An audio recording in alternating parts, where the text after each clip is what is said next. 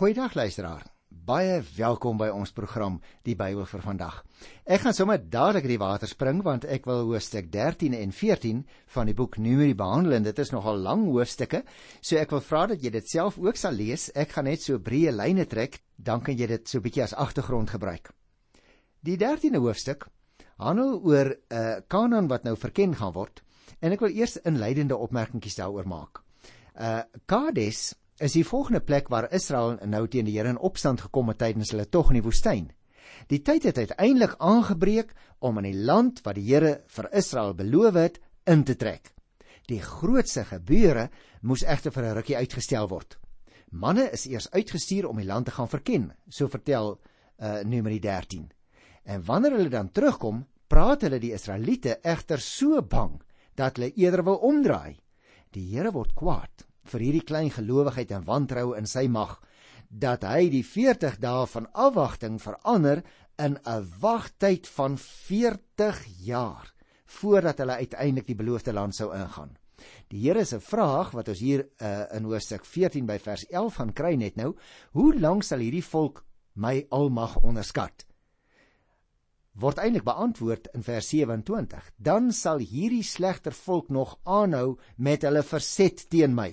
Kan jy dit glo? Nou kom ons lees so 'n stukkie daarvan. Numeri 13 sê die Here het vir Moses gesê: "Stuur manne om Kanaan wat ek aan die Israeliete sal gee te verken. Uit elke voorvaderlike stam moet jy een stuur wat 'n leier onder hulle is."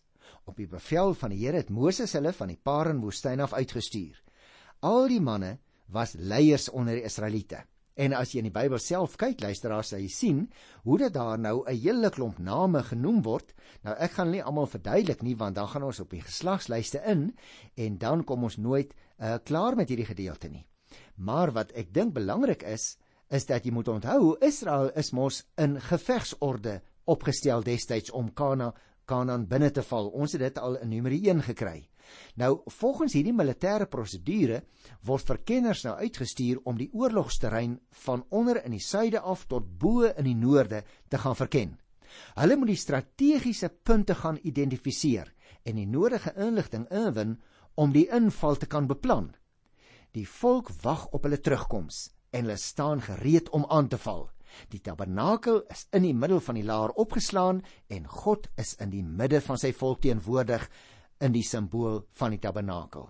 Met sy volk rondom hom geskaar, sal die Here sy troepe self inlei in die land wat hy beloof het om aan hulle te gee.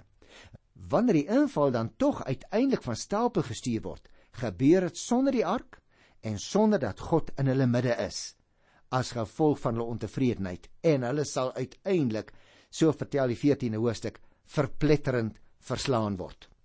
Maar nou wil ek graag aandag gee aan hier by die 17de vers. Moses het hierdie manne gestuur om Kanaan te gaan verken en vir hulle gesê: "Trek deur die suidland op pad na die bergwêreld toe." Né? Nee, met ander woorde ook meer na die binneland toe. Bekyk die land, hoe dit is en die mense wat daar woon, of hulle sterk is of swak, min of baie, of die land waar hulle woon goed is of sleg, en of die mense se stede oop is of versterk, of die grond vrugbaar is of skraal, of dit bome het of nie, doen julle bes om van die land se vrugte terug te bring. Nou luisteraars, ons kry dus hier 'n baie goeie detail beskrywing van hulle opdrag. Hoe hulle die land baie baie intens moet gaan bestudeer en gaan deurkyk. Maar nou wil ek dit oorslaan want ek wil hier by die 26ste vers kom. Want die manne gaan nou uiteindelik nadat die land verken het, terugkom en nou het ons hier 'n baie interessante gedeelte van 'n meerderheids en 'n minderheidsverslag. Kom ek lees dit eers uit die Bybel hier by Numeri 13 van vers 26 af. Die verkenners het toe by Moses en Aaron en die hele vergadering van die Israeliete by Kades in Paran woestyn aangekom. Daar het hulle aan Moses hulle en aan die hele vergadering verslag gedoen en vir hulle die vrugte van die land gewys. Hulle het aan Moses gerapporteer gesê: "Ons het in die land gekom waarheen u ons gestuur het. Dit loop oor van melk en honing en hier is van sy vrugte." Maar die mense wat in die land woon is sterk en die stede is versterk en baie groot. Ons het ook die nasate van Enak daar gesien. Jy sal onthou uit Genesis, luisteraar, Enak was die uh, sogenaamde reuse, die mense wat baie indrukwekkend was wat hulle liggaamspostuur betref. Nou sê hulle ons het hierdie mense gesien. Die Amalekiete woon in die Suidland en die Hittite, die Jebusiete en die Amoriete in die bergwêreld en die Kanaaniete by die see en langs die Jordaan. Dit blyk dus dat hulle baie goeie verslag kom lewer. Maar 'n baie negatiewe verslag. Nou kom ons by die tweede deel. Van vers 30 sê Caleb het egter die manne wat met Moses gepraat het stil gemaak en gesê: Ons moet beslis optrek en die land in besit neem, want ons kan dit doen. Maar die manne wat saam met hom gegaan het, het gesê: "Nee, ons kan nie teen daai mense optrek nie. Hulle is sterker as ons." Vers 32 sê: "Die manne het 'n slegte gerug onder die Israeliete versprei oor die land waarheen hulle gaan trek. Hulle het gesê: Die land wat ons gaan verken het, is 'n land wat die lewe vir sy inwoners onmoontlik maak. En die mense wat ons daar gesien het, is almal baie groot.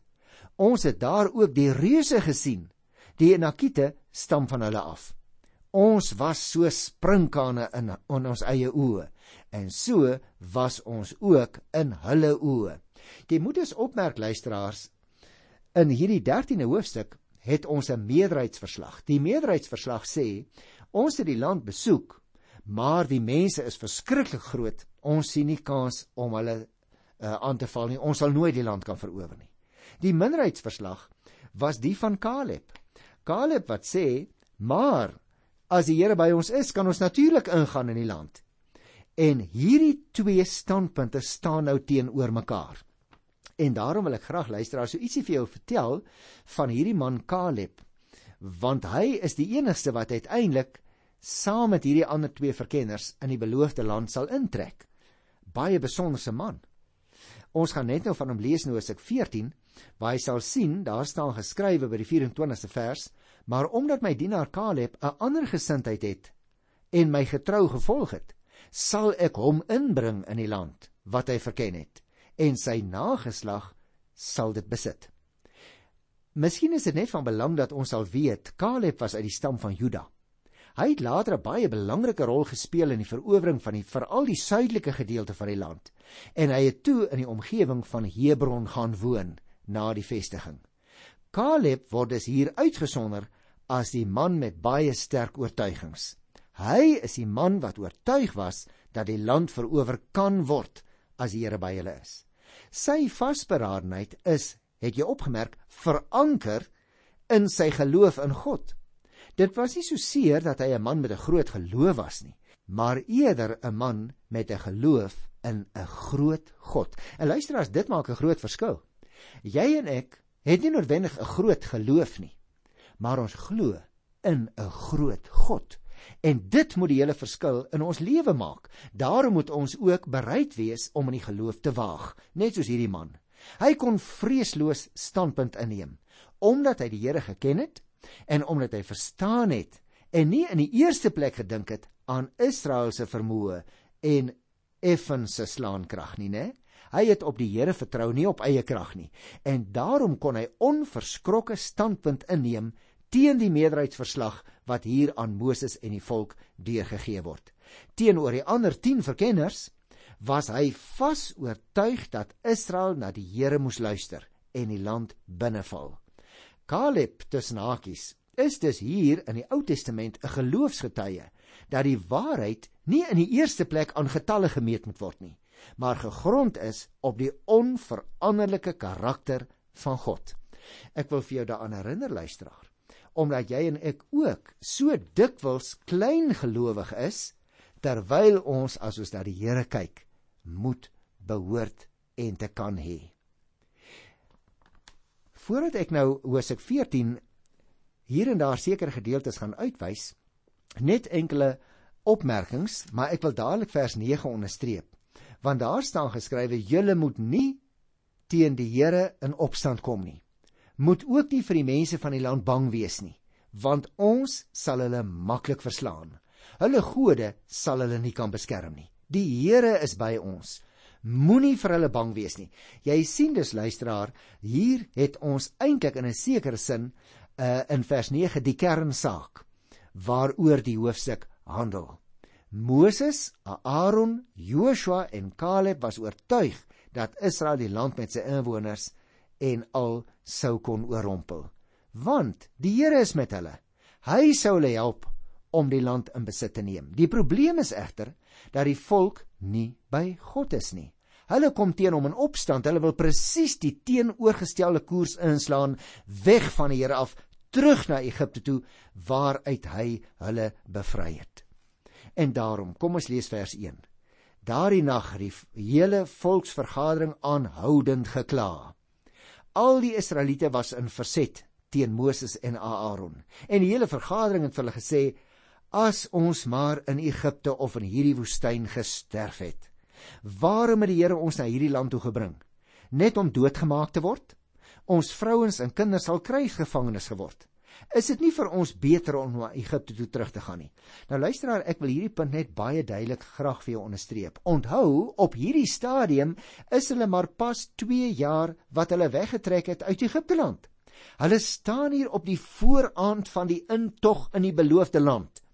En nou dat hierdie twee teenstrydige, naamlik meerderheids- en minderheidsverslag gekom het, luister die volk in hulle klein geloof na die meerderheidsverslag. En daarom wil hulle nie ingaan in die land nie. Dit sou uiteindelik die rede wees hoekom hulle 40 jaar in die woestyn moet rondtrek. Op hierdie stadium fokus die Bybel dus in op hoekom hulle uiteindelik so lank in die woestyn moes rondtrek. Hulle sê selfs in vers 4: "Kom ons kies 'n leier en dan gaan ons terug na Egipte land toe." Kan jy dit glo? Die uiteinde van hulle opstand is dat hulle God se uitredding uit Egipte verwerp en daarmee ook vir Moses. Vers 5 sê Moses en Aaron het toe die hele vergadering van Israel gaan staan wat daar saam was en hulle het op hulle knieë geval. Ag, hierdie sterk geestelike leiers pleit as dit ware by hierdie mense. Want jy sien hulle val op hulle knieë. Hulle wil ook graag hê dat hierdie mense op die Here sal vertrou, nie op hulle eie klein militêre vermoë nie. Maar die volk wil nie luister nie. Kyk na vers 10. Die hele vergadering het gedreig om vir Joshua en Caleb met klippe dood te gooi. En toe het die magtige teenwoordigheid van die Here by die tent van ontmoeting vir al die Israeliete sigbaar geword. Die Here het vir Moses gesê: "Hoe lank sal hierdie volk my almag bly onderskat? Hoe lank sal hulle weier om op my te vertrou ten spyte van al die wonders wat ek onder hulle gedoen het? Ek gaan hulle tref met die pes. Ek gaan hulle uitroei." en dan sal ek jou 'n volk maak groter en sterker as hulle. Luisteraars, ons het hier 'n kritiese oomblik in die geskiedenis van die volk in die woestyn bereik. Die Here praat nou met Moses. Dit nadat die volk die teenwoordigheid van die Here belewe het in die woestyn en hy vir hulle sê ek gaan nou hierdie mense tot nuut maak en dan gaan ek vir jou Moses ek gaan vir jou maak tot 'n groot volk want jy is die een wat op my bly vertrou. Maar dadelik lees ons vers 13 en 14 van hierdie wonderlike man Moses. Maar Moses het vir die Here gesê: "Die Egiptenaars sal dit hoor en dit vir die inwoners van hierdie land vertel. Dit is tog u wat hierdie volk deur u mag uit Egipte land laat wegtrek het." Met ander woorde luisteraars, Moses pleit by die Here. Hy kom met 'n sterk argument. Hy sê: "Here, as u nou hierdie volk van u tot nuut maak met u met wie u 'n verbond gesluit het, dan gaan die Egiptenaars dit hoor. En dan gaan u in onguns kom." Met ander woorde, Moses probeer die eer van die Here gebruik as 'n argument om te sê: "Here, moet hulle tog asseblief nie doodmaak nie." Hy sê in vers 17 selfs Laat u groot mag nou bekend word, Here, soos u gesê het. Ek is die Here. En in vers 20 lees ons dan: Toe het die Here geantwoord: Ek vergewe hulle, soos jy gevra het. Nogtans, so seker as ek leef en die hele aarde vol sal word van my magtige teenwoordigheid, nie een van die manne wat my mag en die wonders wat ek in Egipte en in die woestyn gedoen het gesien het, en wat nou oor my oor en oor getart het en nie na my woorde geluister het nie, sal die land wat ek met 'n eed aan hulle voorvaders beloof het, sien nie. Nie een van hulle wat my geminag het, sal die land sien nie. Maar omdat my dienaar Caleb 'n ander gesindheid het en my getrou gevolg het, sal ek hom inbring in die land wat ek gaan verken het en sy nageslag sal dit besit. Hier kry ons dus die voorneme van die Here om die res van die Israeliete te laat sterf in die woestyn. En ook hierdie ouens wat hierdie slegte berig teruggebring het. Jy sien, luister net soos in die geval van Miriam en Aaron, reageer die Here op die verset wat daar teen hom is deur sy teenwoordigheid sigbaar te maak by die tent van ontmoeting. Die twee kante van God se almag kom vir my hier na vore in hierdie ge gebeure. En luister nou wie hy dit verklank in 'n sekere sin, dit simboliseer in 'n sekere sin vir my die gebeure aan die kruis op Golgotha in die Nuwe Testament. Want jy sien, die mens se opstand teen God eis om met die dood en die hel beantwoord te word. Maar juis in daardie afrekening met die sonde skuld word God se almag om lief te hê en te vergewe duidelik wanneer hy almal wat in sy seun glo van die dood red en aan hulle elkeen die ewige lewe gee. Dit beteken luisteraar dat die Here ons God 'n heilige is, wie se almag ons nie durf minag nie, want hy het juis hierdie mense se sonde gestraf as gevolg van hulle opstand deurdat hulle in die woestyn omgekom het. Die Here Jesus moes sterwe op Golgotha as gevolg van jou en my opstand teen hom elke dag. Sy almag bewerk vergifnis en genade, maar ook die skrikwekkende keersy van verwerping en die dood van die hel vir elkeen wat weier om in hom te glo. Albei kante van sy almag is die werklikheid waarmee jy en ek voortdurend moet rekening hou.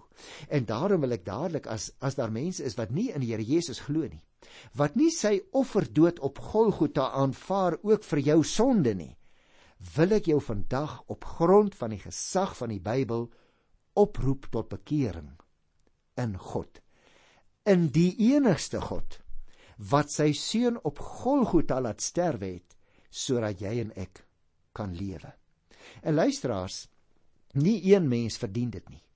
En dit kom in hierdie gedeelte baie baie duidelik na vore as gevolg van die ongehoorsaamheid en die opstand van hierdie mense.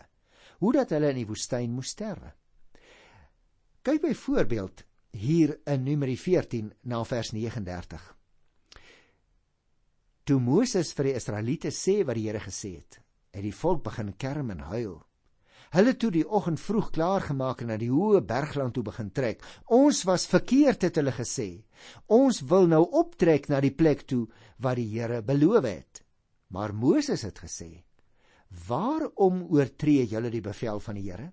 Julle sal nie die land verower nie. Moenie gaan nie, want die Here is nie by julle nie. Julle sal deur julle vyande verslaan word, want die Amalekiete en Kanaaniete sal julle daarin wag en julle sal om die lewe gebring word. Die Here sal nie by julle wees nie, omdat julle van hom af weggedraai het. En ontsettend lees ons in vers 34. Hulle was egter vermetel genoeg om tog na die hoë bergland toe te begin trek. Maar Moses en die verbondsark van die Here het nie die kamp verlaat nie. Die Amalekiete en Kanaaniete wat in die bergland woon, het afgekom en hulle verslaan en uitmekaar gejaag tot by Gorma. Jy sien luisteraar, die Here beloof nie verniet sy oordeel oor ongehoorsaamheid nie. Hy het nou sopas vir hierdie mense gesê hulle moenie optrek nie, want die Amalekiete gaan hulle verslaan, maar hulle wil hulle ook nie daaraan steur nie. Die Israeliete herhaal dus nog 'n slag die eerste fout wat hulle gemaak het. Hulle wou nie die land in besit neem nie omdat hulle bang was en buite rekening gelaat het dat God in hulle midde en by hulle was. Nou besluit hulle tog om Kanaan binne te val, maar weer eens laat hulle buite rekening dat hulle dit nie sal regkry as die Here nie saam met hulle is nie. Wanneer hulle dan tog sonder Moses en sonder die ark van die Here, sonder God se teenwoordigheid die vyand aanval, lei hulle 'n verpletterende nederlaag. Jy sien luisteraar, Sonder God is alles te vergeefs. Niks het sonder hom enige betekenis nie. Niks in ons lewe, nie die kleinste dingetjie kan vir ons geluk bring as ons dit nie in geloof saam met die Here doen nie. Laat ons dit nooit vergeet nie. En daarom wil ek tog so bietjie indringend na hierdie paar versies kyk wat ek nou net behandel het. Hier in vers 39 wanneer die volk presies begin kerm en huil het. Dit word nie vir ons gesê nie. Maar die woorde van vers 11 en 12 word hier veronderstel. Die hoë bergland waarvan vers 40 praat, verwys natuurlik na die bergland in die suidelike gebied van die land Kanaan. Hierdie mense het dus berou, maar sonder hartgrondige bekering, né? Berou sonder bekering help nie. Want hulle tree nog steeds strydig met die opdrag wat die Here in vers 25 gegee het op en hulle beroep hulle op 'n vroeëre eed van die Here. daarmee kom hulle dan ook eintlik op 'n tweede manier in opstand teen die Here deurdat hulle nie alleen nou in plaas van môre wil optrek nie maar ook deurdat hulle na die plek dit wil sê dat die beloofde land wil optrek direk teenstrydig met die opdrag om na die woestyn toe te trek soos vers 25 gesê het nou vers 44 Hulle was egter vermetel genoeg om tog na die hoë bergland toe op te trek. Ons moet dus oplet, luisteraar, dat hulle die gevaar van die Amalekiete waarteen die Here spesifiek vir hulle gewaarsku het, direk verontagsaam.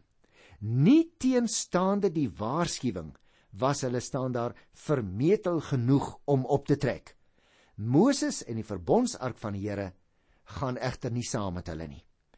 Daarom moet jy versigtig wees om die Here te beskuldig dat hy hardvogtig is, dat hy hulle gestraf het. Want jy sien, hulle het herhaaldelik sy opdragte verontagsaam en hulle het nie op enige punt tot hartgrondige bekering en terugkeer na die Here toe gekom nie. En daarom die slotopmerking. Die Amalekiete en die Kanaaniete wat in die bergland woon, het afgekom en hulle verslaan en uitmekaar gejaag by Gorma. Die resultaat met ander woorde van hulle optrede was op twee maniere katastrofies, hoor. Die Israeliete is nommer 1 verslaan en uitmekaar gejaag tot by Gorma. Die naam is aan die gebeure gekoppel en word verklaar en dit hou verband met ban of dood of vernietiging. Tussen hakies luisteraars, as jy Rigters 1 vers 17 kyk, dan sê hy sien van tevore was die naam van die plek Sefat. Dit was in die Suidland geleë en is dan later tot die gebied van die Simeon stam genoem.